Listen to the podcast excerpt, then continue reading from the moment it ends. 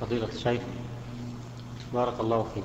سمعنا فتوى تنسب إلى الشيخ عبد العزيز بن باز حفظه الله وأن فضيلتكم قد أفتيتم بذلك أيضا تقول بأنه يجوز للإنسان أن يتزوج, أن يتزوج بنية الطلاق. فما صحة هذه الفتوى؟ نعم ذكر الشيخ عبد العزيز وكذلك اللجنة الدائمة أنه يجوز للغريب يجوز للغريب أن يتزوج بنية الطلاق دفعا لما يخشى منه من الوقوع في الفاحشة. وفرقوا بينه وبين نكاح المتعة بأن نكاح المتعة مؤجل لأجل مسمى. إذا انتهى الأجل انفسخ النكاح وهو محرم أعني نكاح المتعة. وهذه المسألة فيها خلاف بين العلماء.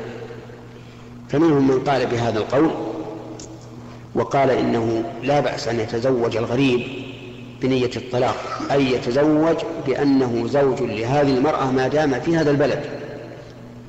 ومن نيته أنه إذا سافر طلقها. وقال بعض العلماء إنه لا يجوز.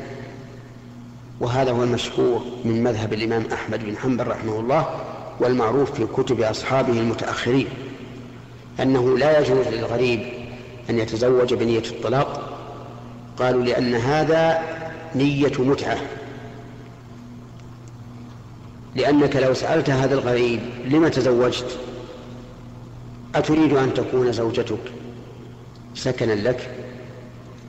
أتريد أن يولد لك منها أولاد؟ لقال لا أريد هذا ولا هذا. أريد أن أستمتع بها ما دمت في هذا البلد وأن أحمي نفسي عما أخشاه من الوقوع في الفاحشة. فنقول إذا لم تقصد بهذا النكاح النكاح المقصود الشرعية في النكاح. لأن المقصود الشرعي في النكاح أن تكون المرأة سكنا للزوج.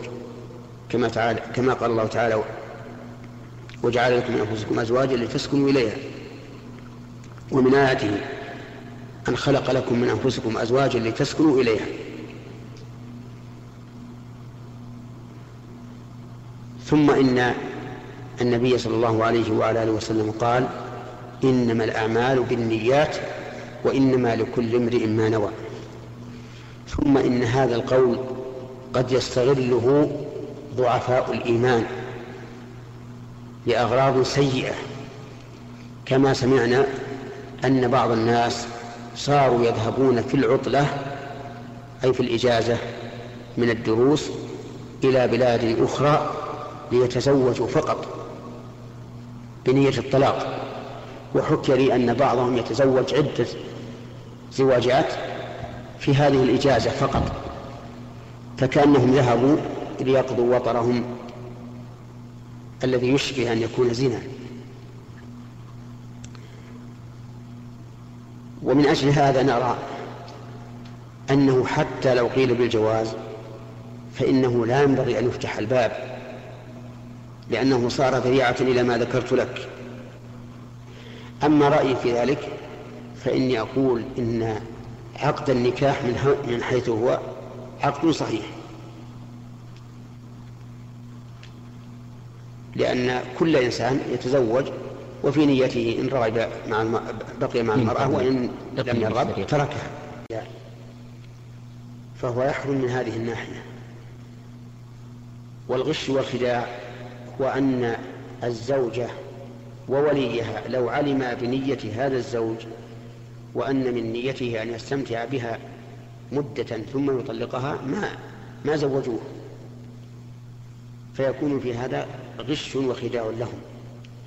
فإن بين لهم أنه يريد أن تبقى معه مدة بقائه في هذا البلد واتفقوا على ذلك صار نكاح متعة. لذلك أرى أنه حرام لكن لو أن أحدا تجرأ ففعل فإن النكاح صحيح.